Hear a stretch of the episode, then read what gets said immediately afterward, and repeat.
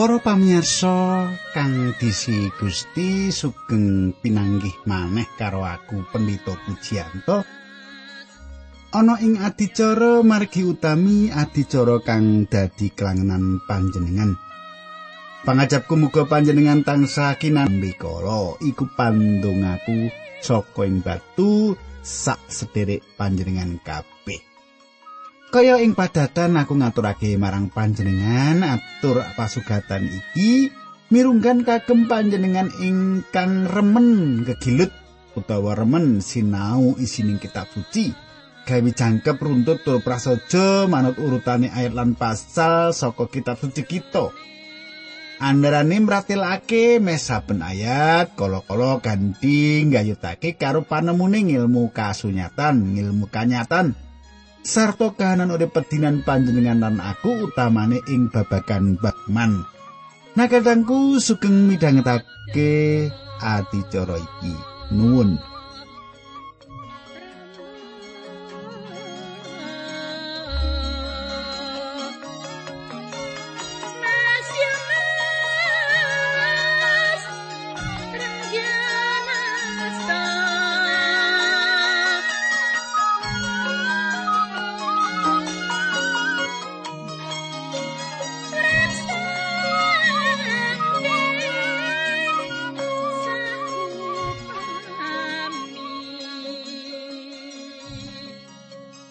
Pamirsa, ing Injil Matius dek kepungkur Aku wis nerangake manawa Gusti Yesus maringi jawaban marang wong-wong Parisi nalika ndeleng murid-murite Gusti Yesus metik gandum ing dina Sabat. Gusti Yesus paring pangandikan apa kowe padha ora maca kitab suci bab apa sing ditindakake dening Senopati Daud nalika panjenengane lan wong-wonge padha keluwen. Katangku, ngendikane Gusti Yesus iki kaya sing kapacak ing perjanjian lawas, ya kuwi ana ing siji Samuel bab selikur ayat siji nganti 6. Elok banget. Elok banget. Mula sumitraku ayo kita terusake ing andaran sak banjur iki nanging sadurunge kuwi monggo kita ndedonga dhisik. Kanjeng Rama ing swarga kawula sesarengan kalian sedherek-sedherek kawula ingkang setya midhangetaken adicara menika ingkang ngorong babagan-babagan kasukman. Kawula nyuwun berkah paduka Gusti ing pepanggen menika supados sedherek-sedherek kawula menika bagas waras. Kanthi makaten pangandikan paduka menika saged kacandi wonten ing telenging manahipun lan boten dicolaken. Dinambaran asmanipun Gusti Kawulo Yesus Kristus kawula netunggal haleluya. Amin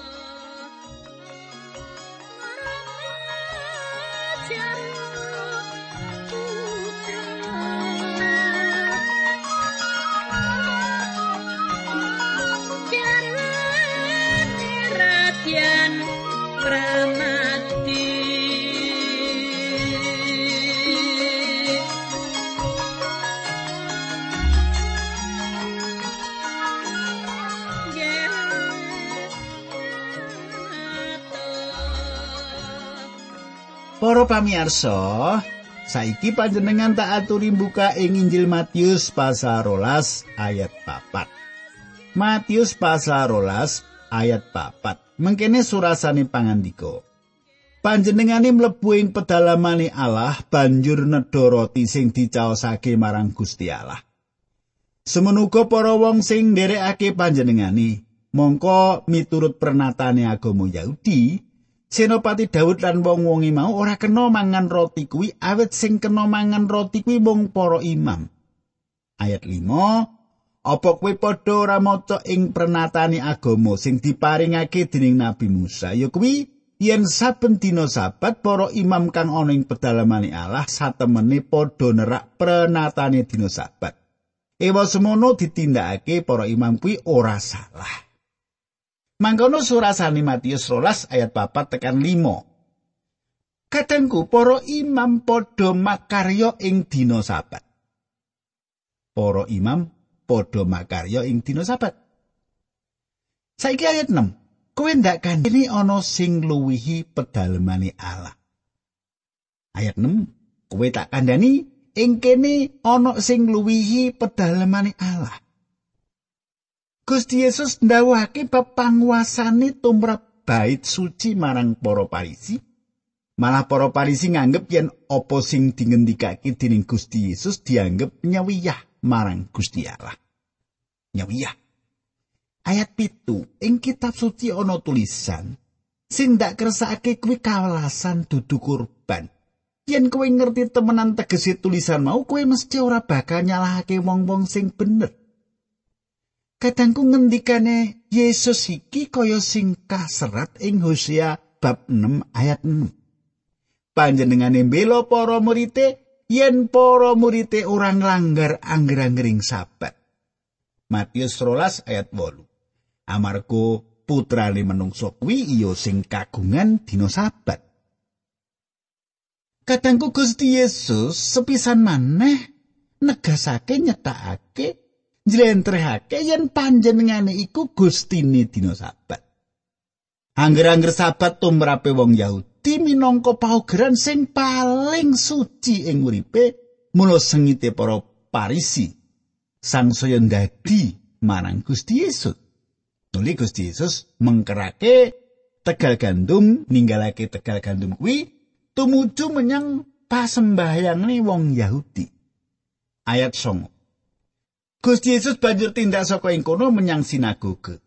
Kadangku papan pasembahyange wong Yahudi. Dudu pasembahyange kita wong pracaya. Sinagoge iki bakal sepi jalaran ditinggalake para umate. Saiki Matius 12 ayat 10 nganti 11. Ing kono ana wong sing tangane ceko siji, ana wong sawetara sing pancen nedhi arep goleki salahe Gusti Yesus. Wong mau padha matur marang Gusti Yesus menapa kenging nyarasaken tiyang ing dinten Sabat? Pangandikane Gusti Yesus. Menawa ing antaramu ana sing duwe pedhus siji lan wedhuse mau kecemplung ing luwangan pinuju dina Sabat. Apa sing duwe wedhus mau ora nuli setiar ngentasake wedhuse mau saka ing luwangan?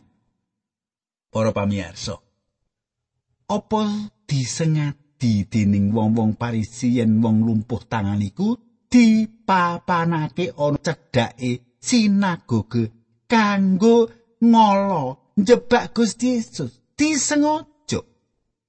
Iku ateges para parisi mau ngakoni rong bab sing penting tumrap Yesus. Apa sing diakoni?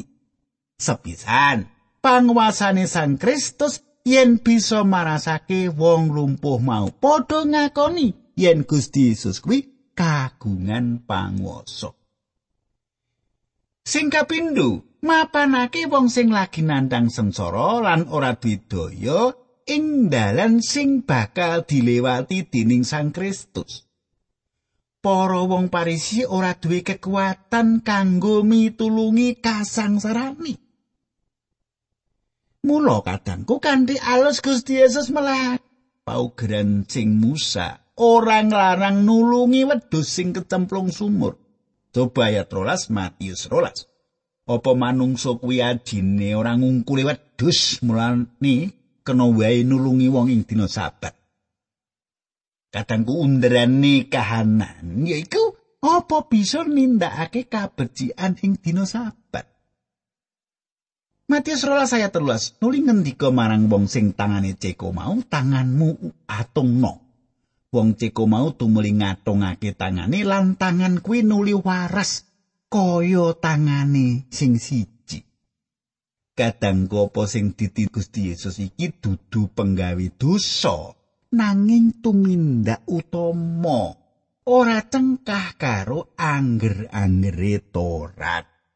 Cetha Gawe becik dina sabat ora nglanggar ora cengkah karo anggere-anggere Toret. Sang saya cetha tumindake Gusti Yesus lan para pemimpin agama cengkah lelawanan. Matius rolas ayat 14 wong Farisi tumuli padha metu sarta padha rembugan anggone arep nyedani Gusti Yesus. Kadang katon sumanak marang Gusti Yesus nggone nyoba tansah cedhak bonceng kamulyan marang Gusti Yesus sebab panjenengane banget dihormati lan disubyo-subyo masyarakat ing kono. Nanging Gusti Yesus ora rena penggalihe yen para parisi ku ngetut selampai katondo Yesus nyoba nduwa anggere Torat bab dina sabat.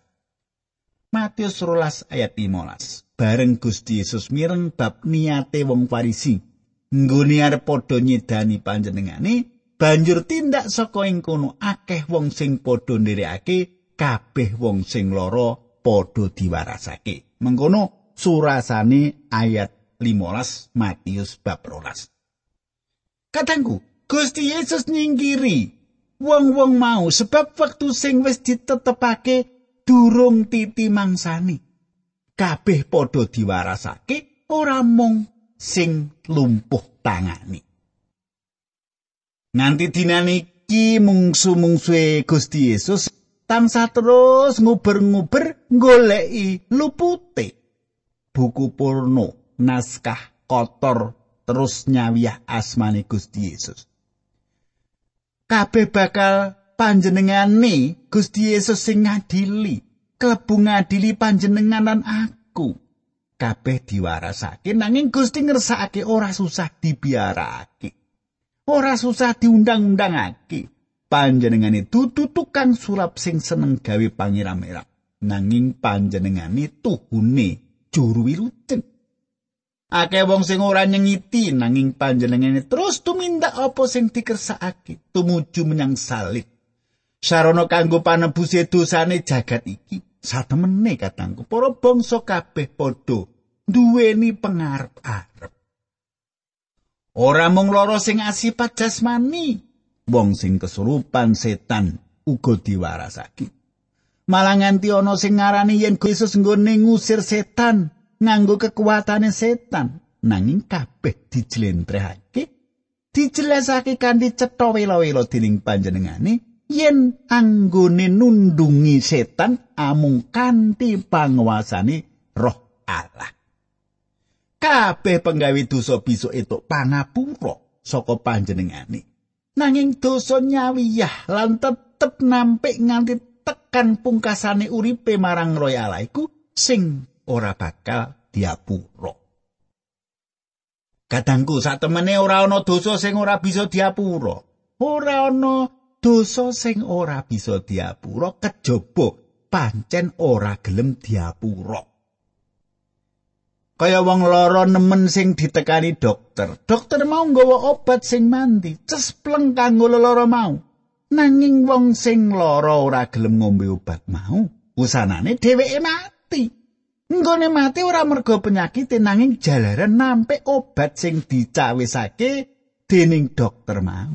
Obat kanggo dosane menungso yaiku percaya marang Sang Kristus awit saka pitulungane Roh Allah. Sok-sok sing nampi kabar iki lan ngakoni bakal kawilujengake. Ya, cetha ya. Gatekke sing tenanan. Sopo sing ngakoni sing nampa kabar iki manawa Sang Kristus iku juru wilujeng bakal kawilujengake. Tak teruske ayat 34 Matius 12. Eh, kowe anak ula, kepriye bisa mengucapake barang sing becik yen awit apa sing diucapake dening lambe kuwi metu saka ing ati. Kadangku, nampi Sang Kristus ateges mratobat lan nyucikake urip kanthi pitulungane Roh Suci. Lagi kita bisa urip sing ngetokake woh sing piguna supaya etuk urip sing kebak kasukan lan kamardikan saka woing pakarti kang nalingsir saka dosa.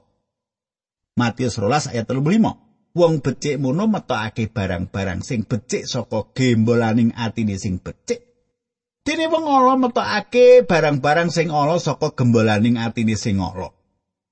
Awit wong kuwi pancen trae wong ala. Kadangku ngendikane Yesus iki landhep banget. Miyos saka penggali sing ngemu duka, apa para ahli agama iki dosane wis ora bisa diapura? Saora-orane sesambungane karo Yesus sang juru wilujeng wis ora bisa didandani meneh. Saiki diterusake Matius 12 ayat 36. Mulane padha dieling ana ing dina kiamat saben wong bakal dituntut tanggung jawabe tumrap saben tembung kang tanpa guna sing tau diucapake. Ayat 37. Sebab dedasar tembungmu dhewe kowe bakal katetepake bener apa luput. Ayat 38. Nalika semono ana ahli Taurat lan wong Farisi padha matur marang Gusti Yesus Guru, kawula sami kepingin sumerep mukjizat saking panjenengan. Kadangku, pangucap sing muspro nyawiyah kabeh bakal nampa paukuman manut bobote pangucap mau. Para ahli Taurat njaluk tondo mukjizat marang Sang Kristus ora kanthi tujuan kanggo percaya nanging jebak kanggo lan goleki kesalahane. Kadangku Gusti Yesus maringi conto kahanane Nabi Yunus lan Ratu Seba. Yunus nampi mukjizat lan meratobat. Ratu Seba semono uga golek piwulange Soleman. Wusana dibenerake dalane uripe nanging kanthi sinamudana Gusti Yesus ngendika yen panjenengane luwih saka Nabi Yunus lan Soleman sing misuwur piwulange iku. Kadangku atine menungsa padha wangkot lan ora gelem percaya marang kamurahaning Allah sing pancen dicawisake kanthi lelahanan. Para wargane jemaat ing gereja akeh sing atine atos kaya watu item. Uga ora sethithik kaya watu item iku atine ora sethithik ing gereja jalaran wis rumangsa bener nganti kaya-kaya ora mbutuhake kawilujengan saka Sang Kristus. Kaya omah sing suwung nuli dinggo markase para iblis ora mo kalian uripe tansah kekipung ing dosa lan kadurakan. Wusanane ilang ing telenging pati. Mula sadurunge padha ilang perlu kelairake meneh. Nuli bakal nampa urip lan mardika. Nuli bakal nampa urip sejati lan kamardikan sejati. Urip sejati lan kamardikan sejati sing wis kaparingake dening Sang Kristus ndadekake sesambungane manungsa sing wis diapura dosani. Bakal wis jero tantepe tinimbang mung arupa sesambungan bapa ibu sadurul lan sapanunggalane. Saiki ayat 46 nganti 49 tak waca iki yo. Nalika Gusti Yesus lagi ngendika karo wong akeh mau ibu lan sederek-sedereke padha ana ing jaba kepengin ketemu karo panjenengane. Banjur ana wong sing matur marang Gusti Yesus, "Guru, ibu lan sederek-sederek panjenengan sami wonten Jawi kepengin kepanggih panjenengan." Gusti Yesus banjur ngendika, "Ibuku sapa lan sedulur-dulurku sapa?" Karo nudingi para murite, Gusti Yesus ngendika, "Iki ibuku lan sedulur-sedulurku." Katangku, bisa uga sesambungan kita karo sedulur kita nunggal welat nanging ora nunggal kapercayan ing Kristus. Luwih raket marang wong nunggal kapercayan senadan wong liya broyo. Iki bab sing angel dingerteni ana sesambungan anyar jalaran manunggaling roh suci.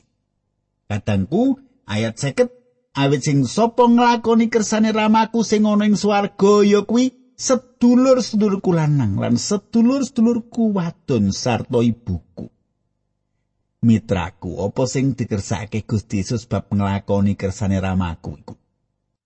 Mengkene kersane yaiku pracaya lan nampa Sang Kristus kang dadi jumeneng kang dadi juru wilujeng jumeneng dadi juru slamete ana ing uripe panjenengan lan uripku Nah, ing pasal 13 iki nggambarake paumpaman pasepmon kratoning swarga.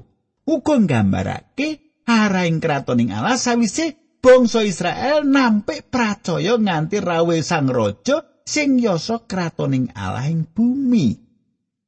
Injil Matius kaya diri perjanjian anyar lan pasal telulas iki saripatine Injil Matius sabutuhe dadi pasal sing wigati banget. Ana telung perangan pangandikane Gusti Yesus ing Injil Matius iki. Siji khotbah ing dhuwuring puntuk Gusti ngresakake lan ngajak ndeleng kahanan sing wis kepungkur. Loro wewadining bab paupaman utawa pasemon mbikak wigatine kratoning Allah ing jaman saiki. Angka telu pangandikane Gusti Yesus sing puntuk zaitun sing pratelakake jaman sing bakal teka bab rawi sang raja.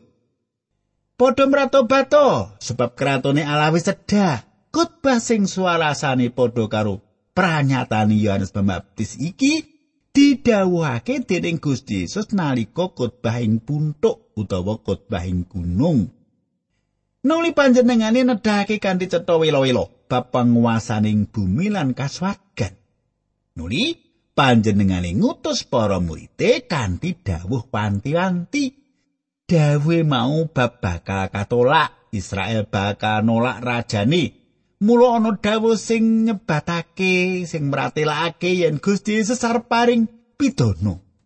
Marang kutha-kutha sing pakaryane gedene disewiyahake. Nalika ana sing nyuwun supaya ana tandha mukjizat panjenengane njawab yen mung tandha mukjizate Nabi Yunus wae sing bisa kedadian. Tandha mujizat Nabi Yunus nggambarake tangine raga saka antare wong mati lan tandha mau inggal dijangkepi ora suwe saka nggone Gusti Yesus paring jawaban mau. Nuli kanthi pribadi panjenengane nguwuh-wuh nimbali sekabeng wong sing padha kamumutan dosa. Coba ayat 21 bab Matius 11. Matius 11. Padha mreneo kuwi sing padha sayah mergo mikul abot. Kowe bakal ndak parengake ngaso. Katangku, banjur apa meneh? Sing kedadian ing kratoning swarga. Sing mesti ora bakal ditekake ana ing bumi nalika panjenengane rawuh sing sepisanan. Yen to sampurna kahanane gereja wis sak mestine nggambarake bab kratoning Allah ing bumi. Nanging yen secara jujur kita ndeleng ing jaman iki kaya-kaya durung kabeh gereja nggambarake kahanan kratoning swarga. Mula ing gambarane Matius 13 ayat 1 loro iki senadan mung sanepa cocok karo kahanan laku jantrane kawilujengan tumrap jagat iki. Matius 13 ayat 1 loro. Saiki ngancik Matius 13 ayat 1 loro ya. Coba ing basa pedinan. Ing dina kuwi uga Gusti Yesus tindak saka omah mau menyang ing pinggiring tlaga lan lenggah ana ing kono. Nuli ana wong akeh padha teka ngrubung panjenengane saka akeh wong-wong mau. Gusti Yesus nuli minggah ing prau lan lenggah ana ing kono, dene wong akeh mau padha ngadeg ana ing pesisir. Kadangku coba panjenengan wigateke simbol kahanan iki ing dina kuwi uga Gusti Yesus tindak saka omah. Tindak saka omahe bangsa Israel menyanging pinggir tlaga lan lenggah ana ing kono nggambarake bangsa sing dudu wong Yahudi. Gusti Yesus nilanake bangsa Yahudi lan lagi migatekake bangsa-bangsa liyane. Ing kene Gusti ngendika bab donya iki nganti bakal bali rawi meneh ing bumi. Kahanan iki kedadian sing perlu kita gatekake. Panjenengane lagi jumeneng lan mulang wong-wong ing pinggiring tlaga lan panjenengane jumeneng ing prau. Sanepa utama kegambaran apa sing bisa panjenengan dumuk anane ayat iki? Kadangku ndak aja piwulang sing edipeni ing giaran iki dadi berkah tumrap gesang panjenengan. Semene dhisik aturku kepareng nyuwun pamit. Salam ayo ndedonga Kanjeng Rama ing swarga kawula ngaturaken kuing panuwun menawi wekdal menika kawula saged midhangetaken sabda pangandikan paduka Gusti mugi menika dados berkah para pamirsa sedaya dados kegiatan lan kandeling kapitadosan. Dinambaran asmanipun Gusti Yesus Kristus kawula nutung haleluya. Amin.